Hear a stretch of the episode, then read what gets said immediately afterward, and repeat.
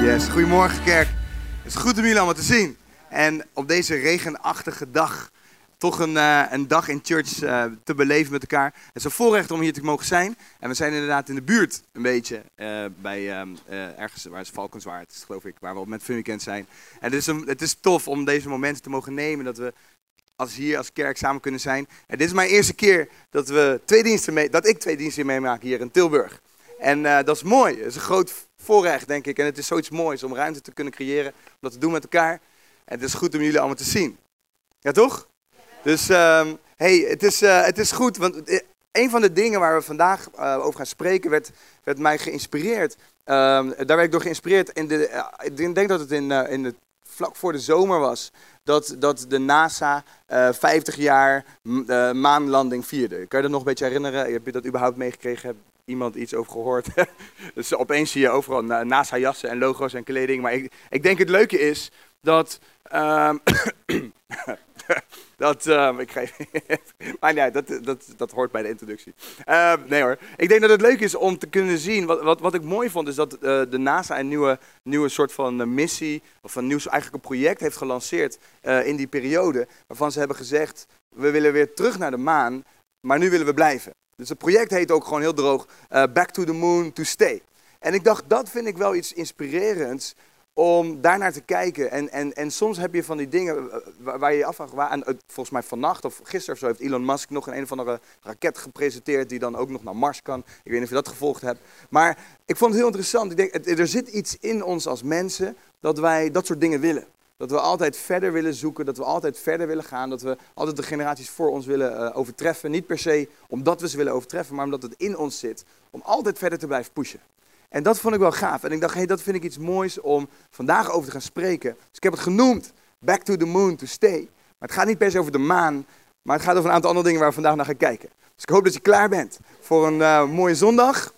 En uh, dan gaan we bidden, dan gaan we in Gods woord duiken. Vader, dank u wel dat we hier kunnen zijn met elkaar. Heer Jezus, ik ben u zo dankbaar dat we het voorrecht hebben om onderdeel te zijn van uw kerk en van uw koninkrijk. U bent degene die ons samengebracht heeft, maar bovenal u bent degene die ons gemaakt heeft en geroepen. Vader, voor iets wat alleen, wat alleen, waar we alleen vervulling kunnen vinden bij u. Heer, en dank u wel dat we deze dag met elkaar mogen delen. U bent degene die spreekt en we vragen u, Vader, om onze hart en onze geest te openen voor alles wat u tot ons wilt spreken in Jezus' naam. Amen. Amen. Hey, 2 Samuel, hoofdstuk 11. Ik denk dat het tof is om te kijken naar een aantal interessante dingen. Uh, en dat vind ik altijd mooi aan de hand van, van wat we in de Bijbel lezen. Die ons helpen om dingen te ontdekken die vandaag de dag relevant zijn. Ik weet niet hoe jij de Bijbel leest, ik weet niet of je hem leest. Ik hoop het wel. Maar ik denk vooral dat je als je leest, dat je je af en toe vraagt van binnen, van Heer, wilt u mij laten zien wat ik nu eigenlijk lees door, door, door de bril van, van mijn dagelijks leven? Hoe kan ik dat oude stuk Bijbel wat ik nu aan het lezen ben, hoe, hoe, wat wilt u eigenlijk zeggen wat vandaag relevant is voor mij? En er zijn zoveel mooie dingen die we ontdekken op zo'n moment. En, en, weet je, misschien is het voor jou wel heel interessant. Maar dit is een stukje wat, um, wat, wat, wat, wat een beetje bekend is. Ook wel interessant. Maar misschien ook wel wat, wat vraagtekens geeft. Dus wat je ziet bij, in de Bijbel, koning David, een van die mannen waar we veel over horen. Iemand waarvan, waarvan de Bijbel zegt, het was een man naar Gods hart. Maar David was niet perfect. Sterker nog, hij deed een aantal grote, grote fouten heeft hij gemaakt. Een aantal dingen verkeerd gedaan. Waarvan wij allemaal zouden zeggen, nou, nou, nou, jongen, jongen, David, dat is niet zo mooi. En dat is ook duidelijk, de Bijbel is er ook duidelijk over. En toch zegt de Bijbel, David was een man naar Gods hart. Dat had niet te maken met omdat hij geen fouten maakte, maar dat was omdat zijn hart uh, in, het grootste deel van zijn tijd echt afgestemd was op, op, op, het verlangen om door God gebruikt te willen worden. Hij was een man van aanbidding en hij was een man die, die, die, die gewoon veel contact had met God. En je leest de psalmen en er zit een hoop ellende tussen. Maar je ziet dat David eerlijk en oprecht was en steeds weer met zijn dingen naar God toe ging. En ik denk daarom dat het mooi is dat de Bijbel zegt, David was, ondanks zijn fouten, was hij een man naar Gods hart. Omdat hij zijn hart deelde met God en omdat hij probeerde steeds weer in, in, in contact te zijn en te blijven met God. Dus als je deze dingen leest, dan denk je, oh. Ken je dat? Dat je wel eens de Bijbel leest en je denkt, oh, dat, dat, oké. En dat gaan we lezen met elkaar. 2 Samuel 11 vers 1 en 2. Wat je hier ziet is een situatie waar, waar iets fout ging. En dan gaan we even lezen met elkaar. Dat is leuk, ik lees even met je mee. Het gebeurde. het gebeurde. Dit is altijd mooi. Als de Bijbel zegt het gebeurde, dan zie je dat daar een soort van gebrek aan verantwoordelijkheid is. Over het algemeen is de Bijbel redelijk direct. En dan staat er, hij deed dit, of zij deed dat, of Jezus zei zus en zo. Maar hier staat, het gebeurde. Dat. Bij het aanbreken van het nieuwe jaar, in de tijd dat de koningen ten strijde trekken, dat David uh, Joab en zijn manschappen uh, met hem en heel Israël erop buiten stuurde. En zij richtten de Ammonieten te gronden en ze belegerden Rabba. En David bleef echter in Jeruzalem. Dit is interessant, want Davids roeping als koning was om het volk te leiden. En het was normaal, zeg maar net als dat, het, dat de eredivisie seizoen op een gegeven moment weer begint, was het min of meer normaal dat je als koning te strijden trok om te verdedigen wat je had, om weer even te zien hoe het nieuwe seizoen eraan toe zou gaan wat betreft um, de machtsverhoudingen. Je moet je voorstellen, er waren natuurlijk onwijs veel kleine koninkrijken die meestal niet heel veel verder gingen dan één of twee steden. Dus er waren zoveel kleine koninkrijkjes die constant met elkaar in conflict lagen, dat er elk seizoen, of, of elk jaar, dat er nieuwe oorlogen waren. En dat was ook min of meer normaal. Dat hoorde erbij. En David was geroepen om het volk van Israël te leiden. En een van de dingen waar, waar, waar überhaupt zijn, zijn hele bediening mee begon, was oorlog voeren. Hij versloeg Goliath en al die dingen. Dus Davids hele deel van zijn roeping was om het volk te leiden in het beloofde land, wat ze nog steeds aan het veroveren waren. Toen de tijd ook nog. Maar dat deed hij niet. Hij stuurde iedereen, staat Hij stuurde Joab, de, de, de generaal, en hij stuurde zijn manschappen met hem en heel Israël. Stuurde David erop uit. Maar hij bleef in Jeruzalem. En tegen de avond gebeurde het. Daar zijn we weer. Dat David opstond van zijn slaapplaats. Een lange siesta gehouden. En dat hij op het dak van het huis van de koning wandelde. En vanaf het dak zag hij een vrouw die zich aan het wassen was. En deze vrouw was heel knap om te zien. ja, en als je dan verder leest, dan weet je dat het niet mooi afloopt. En, uh, en ik denk dat is interessant. Dat, je, wat je hier ziet is een situatie waar we David van zijn zwakkere kant zien. En, eh, eh, en dat is op zich heel eerlijk van de Bijbel, want, want, want het is mooi denk ik om zulke dingen te lezen en dat je denkt, oké, gelukkig was David ook niet perfect. Maar wat je wel ziet is dat dit is een situatie waar we soms onszelf ook in kunnen bevinden. Dat het gebeurt. Dat jij ergens bent waar je misschien helemaal niet had moeten zijn. Of dat je ergens niet bent waar je wel had moeten zijn. En dat de Bijbel je zegt, het gebeurde, dat hij opstond van zijn slaapplaats. En je ziet dat, weet je, het, is heel twee interessante dingen die we hier zien gebeuren. De ene is dat God wel aan het werk is, zonder koning David erbij. Want God geeft die overwinningen en je ziet dat het volk had, wat stond hier? Ze richten de Ammonieten te gronden. Ze hadden een heel volk verslagen en ze waren Rabba aan het belegeren. Dus het, het, leger en het volk en alles wat iedereen die erop uitgestuurd werd, die, die waren daar waar, waar, waar ze hoorden te zijn. En God zegende wat ze deden. Zelfs met de afwezigheid van koning David. En dat vind ik mooi, dat is een troost. Want zelfs als David een fout aan het begaan is, is Gods hand nog wel op het volk. Gelukkig maar. Want niemand is perfect. Maar tegelijk zie je dat David hier was niet waar hij moest zijn. En daar ging het fout. Als David op, op, op, op de plaats was geweest waar hij zijn verantwoordelijkheid had genomen als leider. Gewoon vooraan in het leger en, en al die dingen. Dan, dan was deze situatie niet ontstaan. En was het niet gebeurd wat er gebeurde. En soms denk ik in onze levens is het ook best wel interessant. Dat, dat, dat, dat het is waar, de vraag is waar, waar, waar ben jij? En daar gaan we straks verder op inzoomen. Maar soms is het heel belangrijk dat we onszelf realiseren dat het nodig is om, om onszelf te plaatsen daar waar we horen te zijn. En dat we niet een, dagje nemen. Dat we zeggen, nou nu, nu ik, ik, weet je wel, ik, ik, ik, ik, eh, ik, ik, ik neem even niet mijn verantwoordelijkheid op dit moment. Weet je, en dat vind ik interessant. Waar we vandaag naar gaan kijken is een paar mooie lessen van, ehm, van David eh, en of rondom de situatie. Die ons denk ik eh, uiteindelijk gaan brengen naar iets waar, waar we allemaal weer, weer, weer, weer op hetzelfde punt in ons leven staan. Op elk moment dat we zeggen, Heer, ik wil, ik wil verder gaan. Wat u voor mij heeft. Ik wil, ik wil me blijven uitstrekken naar die dingen die u voor mij heeft. Dus volg even, volg even. Dit wordt een interessante reis door de Bijbel van op een paar momenten. Wat je ziet in Zachariah 4. Dan zie je iets wat denk ik God vaak ook aan ons vraagt. We, moeten, we hebben net gelezen David en hij zag die vrouw vanaf zijn dakterras. Nu gaan we kijken naar een vraag die God aan ons stelt, of aan Zacharia in dit geval, um, in, in Zacharia 4 vers 1. De engel die met mij sprak, schrijft Zacharias, hij zegt, kwam terug en, en wekte mij zoals iemand die uit zijn slaap gewekt wordt. En hij zei tegen mij, wat ziet u? Je ziet in de Bijbel best wel vaak dat dingen gekoppeld zijn of dat dingen volgen op het moment dat God uh, iets vraagt of dat iemand iets ziet. God vraagt, wat zie je? Je ziet best wel vaak dat God dat vraagt. Soms eh, vraagt God, uh, wat zie je nog meer? En, en, en, God wil soms dat wij ons best doen om te gaan kijken. Maar je ziet dat David zijn fout ook kwam op het moment dat hij zag. Dus onze ogen zijn belangrijk, geestelijk en in het natuurlijke. Kan het ons brengen in, in, in de richting van visie. En het kan ons brengen in de richting van fouten. En weet je, en als de Bijbel, als, als, als de Bijbel hier uh, deze vraag stelt, dan zie je dat de engel aan Zachariah een vraag stelde. En dan staat er alsof alsof hij uh, mij ontwaakte. Staat hier alsof, ik, alsof iemand sliep. En dat alsof betekent dus dat hij niet aan het slapen was. Zacharia was niet per se letterlijk aan het slapen, maar geestelijk was hij aan het slapen. De engel vroeg, wat zie je? Als je verder leest, dan, dan staat er, uh, als je nou, als, dat is leuk om thuis te lezen, dan zie je dat, dat, dat de engel een beetje door gaat vragen. Zacharia probeert te omschrijven wat hij ziet. En uh, daarna vraagt de engel, ja, maar wat, wat, ziet u nog meer? En ik geloof dat het heel belangrijk is voor ons, in onze reis met God, in het natuurlijke en in het geestelijke nog veel meer, dat God soms aan ons die vraag stelt, wat zie je? En dat we ons best moeten doen om te zien. De goede dingen. De dingen van God. Weet je, en als we, als we kijken, en dat vind ik, daarom vond ik het zo mooi, die missie van, uh, van NASA. En, en je hebt natuurlijk een aantal, uh, Elon Musk en en zijn bedrijven en weet ik veel. Je hebt een aantal visionaire mensen die kijken ver de toekomst in. Ergens op de grens tussen uh, bizar en, en onhaalbaar en, en toch wel inspirerend. Weet je, soms denk ik dat God soms ons, ons ook iets meer wil pushen in die richting van, wat, maar wat zie je nog meer? En dan vraagt God aan ons, wat zie je? En dan vraagt hij hier aan Zacharia, wat zie je? En Zacharia ziet eigenlijk in eerste instantie niet helemaal het juiste. Hij ziet wat hij met zijn natuurlijke ogen ziet. En dan zegt de engel, maar wat, wat zie je nog meer? En ik denk dat het aan ons een vraag is.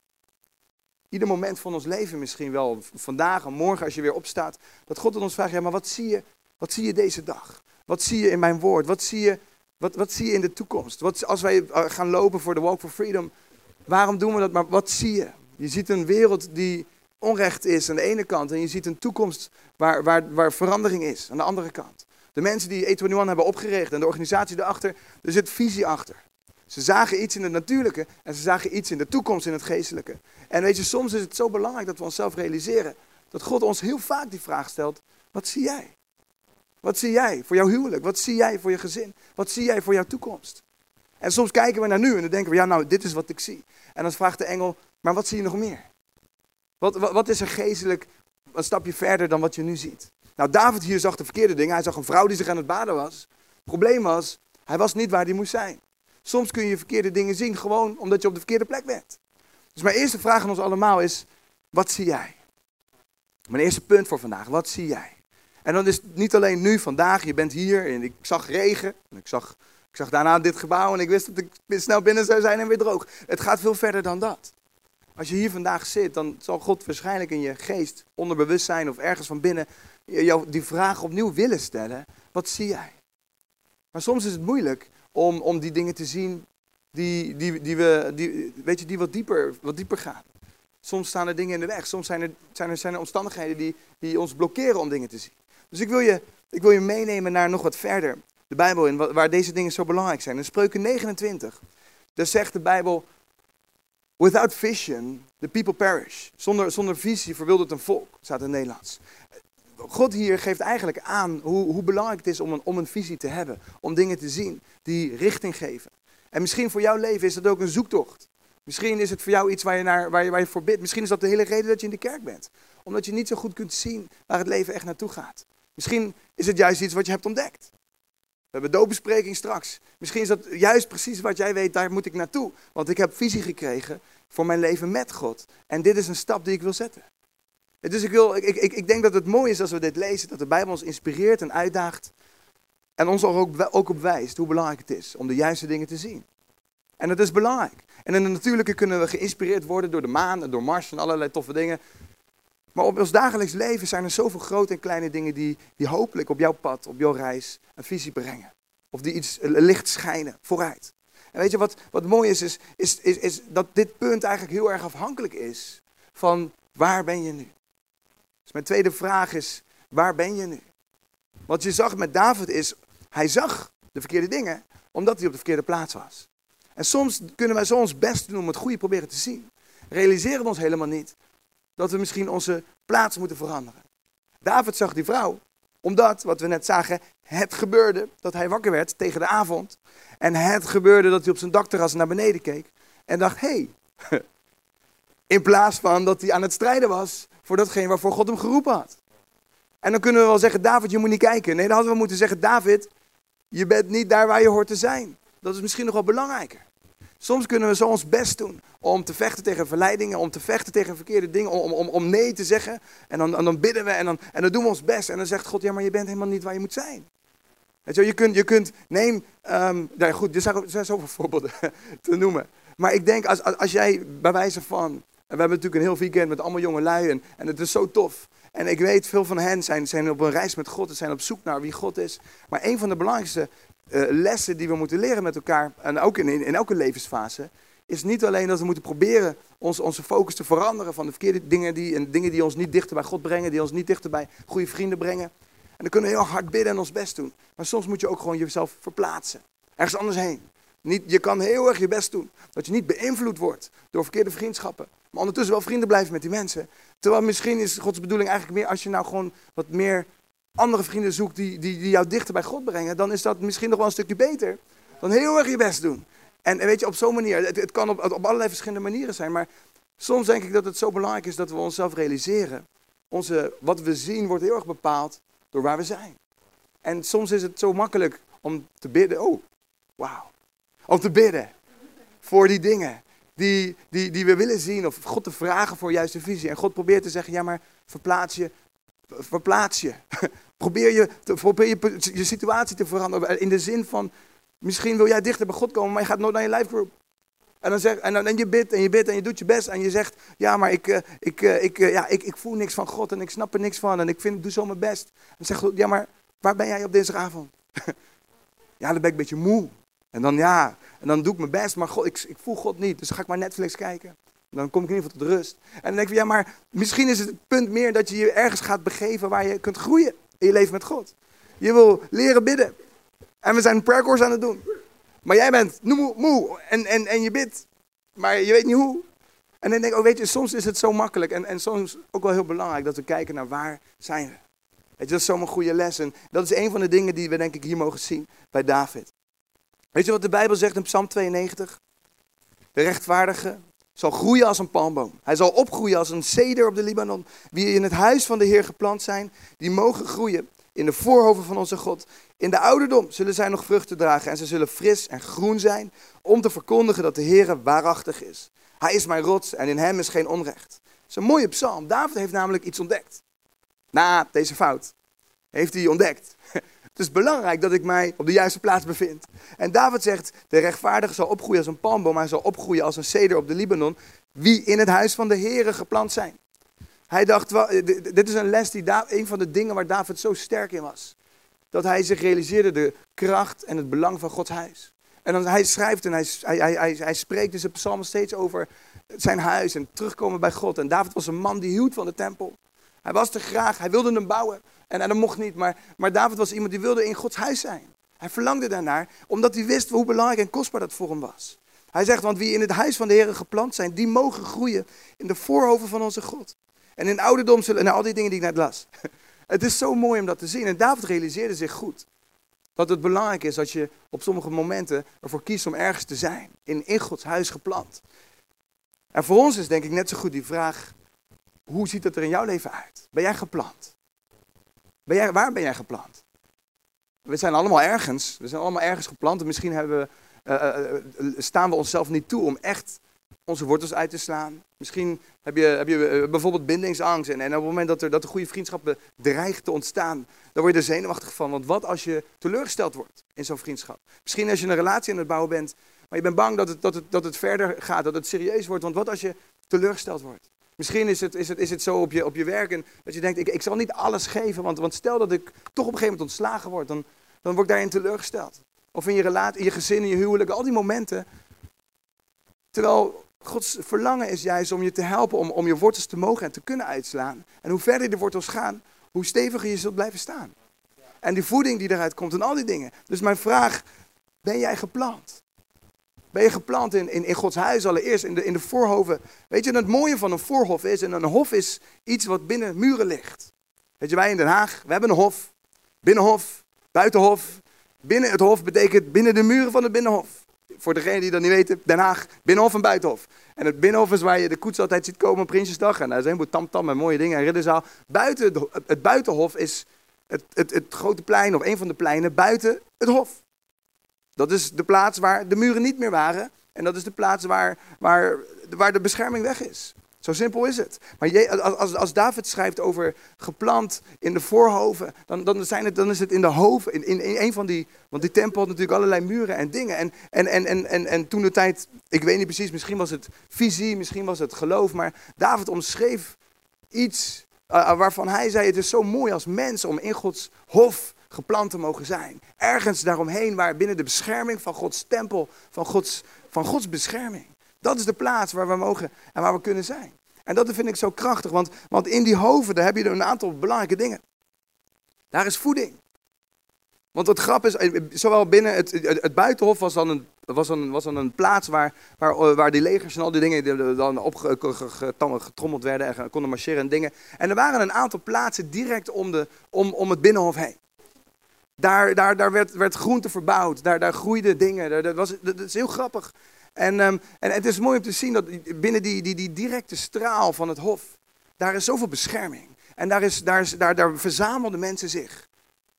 In mijn geval, heel Den Haag is ontstaan rondom het Hof. En dat is leuk en dat is interessant als je erin induikt. Maar het is een heel mooi plaatje van hoe dat, hoe dat gaat. Dat, dat, dat, dat iets ontstaat in de veiligheid rondom het Hof. En als het gaat over Gods Hof, hoe, hoe mooi is dat? De absolute veiligheid en bescherming van God. Dus daarom als David schrijft over geplant zijn in die hoven is zoiets moois.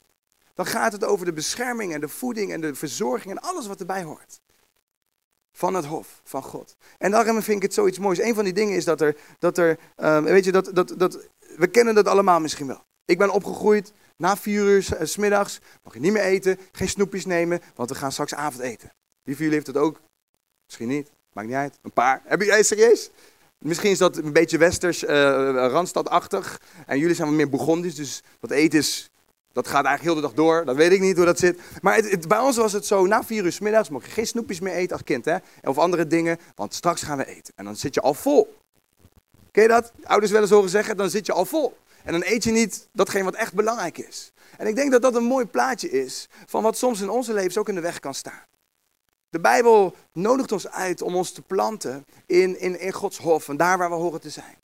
Voor de juiste voeding en de juiste verzorging. Maar soms dan vullen we onszelf met allerlei andere dingen. We zijn op verschillende plaatsen en daar vullen we ons met allerlei andere dingen. En dan hebben we niet zoveel honger meer naar de voeding van God. En dat is soms een uitdaging. Dat is soms moeilijk. En, en, en dan denk je, ik heb mezelf vandaag gevuld. Ja, met wat? Met allerlei dingen. En je honger naar God kan tijdelijk een beetje gestild worden, want je maag is gevuld met allerlei andere troep. En dat is soms een, een, grote uitdaging. En daarom zegt God, ik, ik, wil, ik wil je verzorgen, ik wil, voor je, ik wil die voeding geven die je nodig hebt. Een ander ding wat in, de, in het hof is, is, is de bescherming. En ik denk dat het soms, soms zo belangrijk is. En velen van ons zullen waarschijnlijk kunnen zeggen, ja, God beschermt echt. God beschermt echt. We hadden afgelopen zomer, was zo mooi, was een, was een, een stel bij ons in de kerk. Super nieuw, ze zijn echt drie, vier keer waren ze geweest. En, en ik weet nog, dat waren een paar gasten die, ehm, die of een, gast, een man en een vrouw.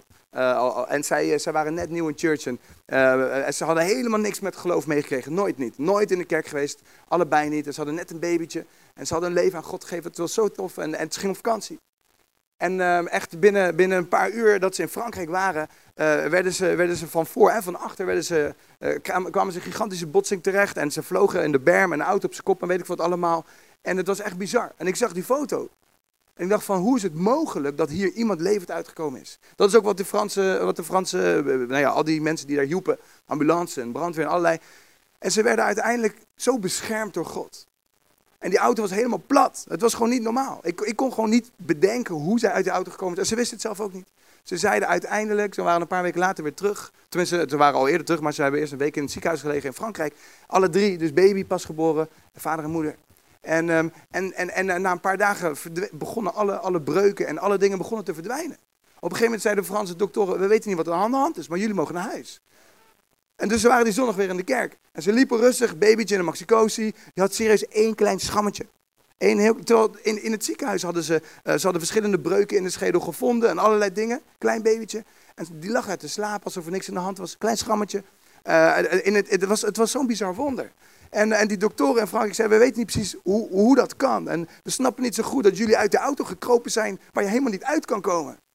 Maar tegen de tijd dat, dat, dat een week later waren ze helemaal genezen en hersteld. En het enige, ik, je kon niks zien. Het enige was dat schammetje op, de baby's, op dat baby's hoofd. En, en het was zo bijzonder. En zij zeiden, we, we, we, we, we weten niet hoe dit werkt, maar God heeft ons beschermd. en ze zeiden, we weten, we weten niet eens hoe het allemaal zit, maar, maar God is echt. En dat was zo'n bijzonder getuigenis. Maar zulke dingen doet God. En er zijn ook veel kleinere dingen die hij doet. De bescherming binnen het Hof van God. En weet je, dat is het mooie, een van de krachtige dingen. Nou, een van de andere dingen is de zorg van Gods familie, van, van, van wij met elkaar onderling. Weet je, en ik wil je uitnodigen om, om, om, om, om, om bewust je wortels te willen uitslaan in, in, Gods, in Gods huis. Weet je, het is zoiets moois om gevoed en, en verzorgd en met elkaar te kunnen delen. Het is zo krachtig en dat is een van de mooie dingen van God. Weet je wat het interessante is? Als we kijken naar Deuteronomium 25, dan zie je iets heel interessants. Want bescherming is iets wat we vaak nodig hebben als mensen. En, en God zegt, ik, ik wil je beschermen. We moeten, we moeten onszelf wel dan op de juiste plaats bevinden. Weet je, David, David genoot ook geen bescherming van zijn eigen leger. Omdat zijn leger was daar waar het moest zijn en David was er niet. En soms plaatsen we onszelf wat meer buiten Gods bescherming. Maar dan ligt het meer aan ons dan aan God. Weet je, en het is zo belangrijk dat we ons realiseren dat de vijand altijd op zoek is naar daar waar het zwak is. Lees maar met me mee. Dat is een interessante tekst. Deuteronomium 25. Daar staat het volgende, dat toen het volk van Israël, ze, gingen, ze, ze, werden geleid uit Egypte en al die dingen en ze kwamen uiteindelijk in het beloofde land terecht. In de tussentijd waren ze 40 jaar in de woestijn. En hier zie je dat interessant iets omschreven is. Dat er staat, vergeet niet wat de Amalekieten u hebben aangedaan tijdens uw tocht uit Egypte. Toen u hongerig en uitgeput was, hebben ze gewetenloos, zonder enig ontzag voor God, de achterhoede overvallen waar de zwaksten zich bevonden. Weet je wat interessant is? In die, in die reis van het volk van, van, van God eh, weg van Egypte naar, naar, nieuw naar het beloofde land, al die dingen. De Amalekieten hadden ze helemaal niet aangevallen. Ik weet niet of je dat ooit hebt gerealiseerd, waarschijnlijk niet, maar daarom vertel ik het. De Amalekieten hadden helemaal niet aangevallen in die woestijn of al die dingen.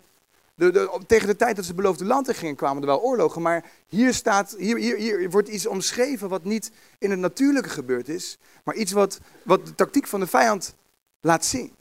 Want het is heel interessant, de, de, de, Egyptenaren kwamen achter ze aan tot aan de Dode Zee. En, daarna waren ze in de woestijn, waar ze allerlei andere uitdagingen hadden. Maar de, de Amalekieten staan in de Bijbel voor vlees. En voor onze eigen natuur als mensen. Het staat voor datgene wat de vijand probeert te doen. Op, uh, in, en in onze levens uh, op allerlei verschillende manieren. Als je de Amalekieten ziet in de Bijbel, dan weet je dat het is niet zomaar een volk. Maar dat staat voor een, een, de geestelijke strijd met de vijand. Dat is best wel interessant. Misschien denk je van, wow, waar, gaan we, waar gaat dit heen? En wat interessant is, Amalek betekent ook vlees. En het interessante is dat wat hier omschreven is, is niet per se een, een situatie in het natuurlijke, als wel een situatie in het geestelijke. Er staat hier, vergeet niet wat de vijand dus, de u hebben aangedaan tijdens uw tocht. Toen u uitgehongerd en uitgeput was, hebben ze gewetenloos zonder ontzag voor God de achterhoede overvallen, waar de zwaksten zich bevonden. Het interessante is dat de vijand altijd probeert jouw achterhoede te zoeken. Waar jouw zwakte is, probeert hij te overvallen. En ik denk dat, dat dit iets is waar de, waar de Bijbel dat laat zien. Het is niet zozeer een, een, een, een situatie dat er een aanval was. Nee, dit staat, de Amalekieten waren aan het aanvallen. Dat was steeds op zoek naar de achterhoede van het volk, de zwakste. En dat waren de mensen die, um, of dat waren de situaties waar, waar, waar, waar ze uitgeput en, en uitgehongerd waren. Geestelijk ook. Soms kunnen wij op, op plekken zijn waarvan we weten, daar ben ik misschien uitgeput of moe. Daar, daar ben ik honger, heb ik honger geestelijk. En dat zijn vaak de plaatsen waar de vijand je probeert aan te vallen. David werd, werd, werd, werd op het moment dat hij was, hij was gezalfd, hij was op zijn allerkrachtigst als legeraanvoerder.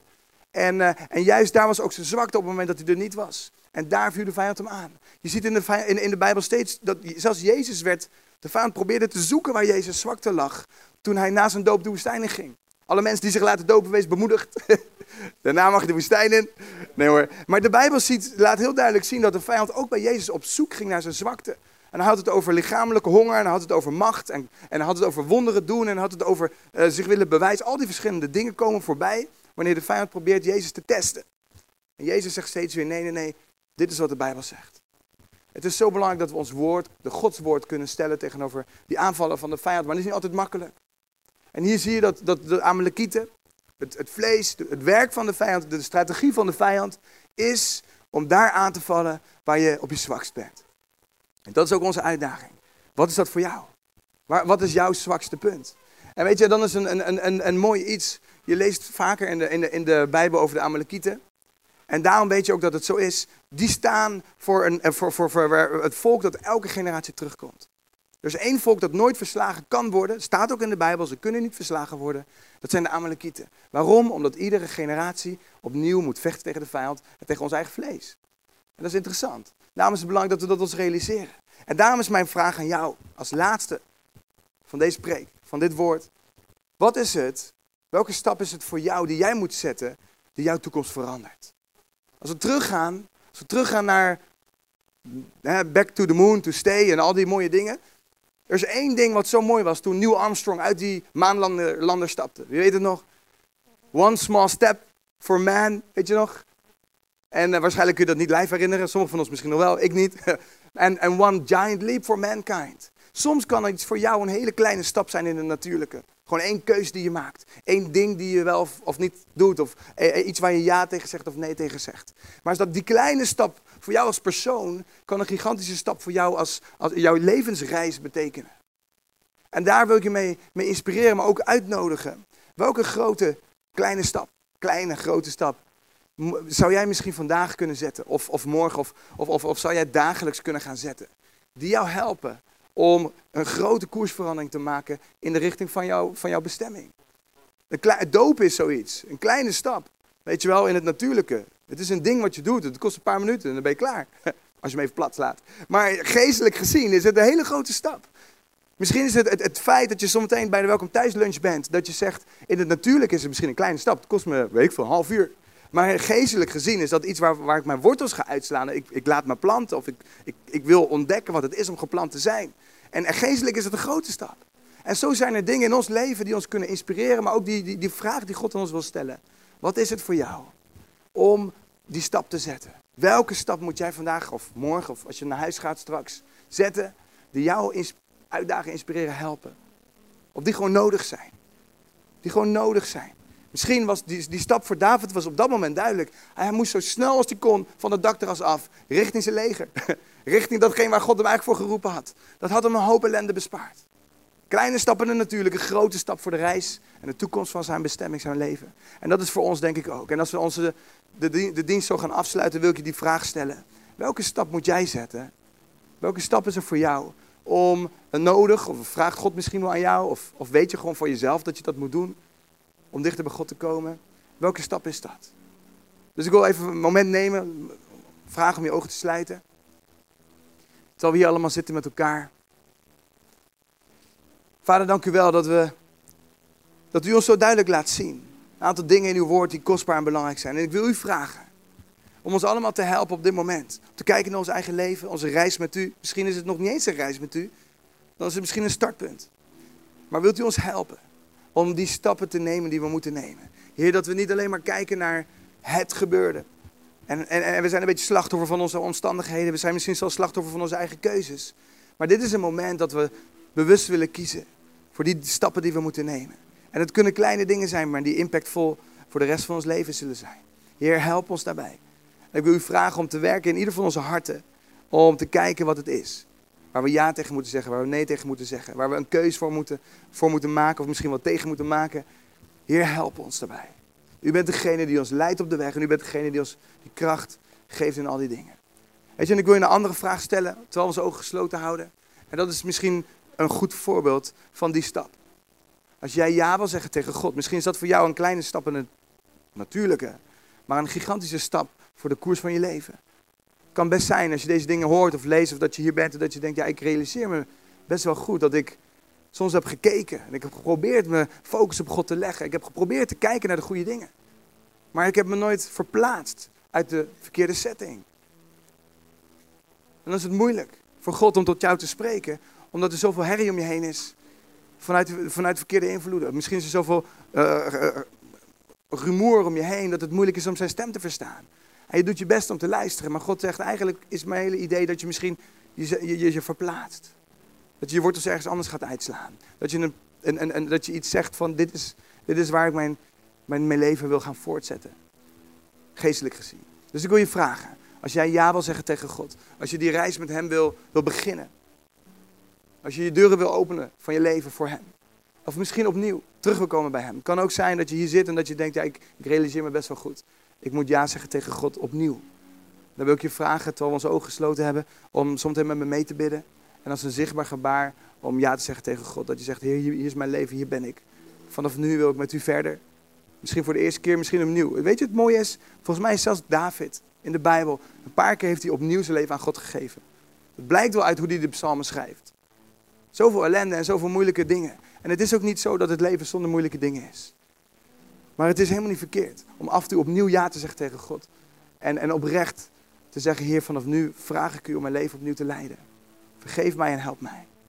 Dus als jij daarbij wat zijn, wil ik je vragen om even je hand op te steken. Zo mooi, dankjewel. Dankjewel. Dankjewel.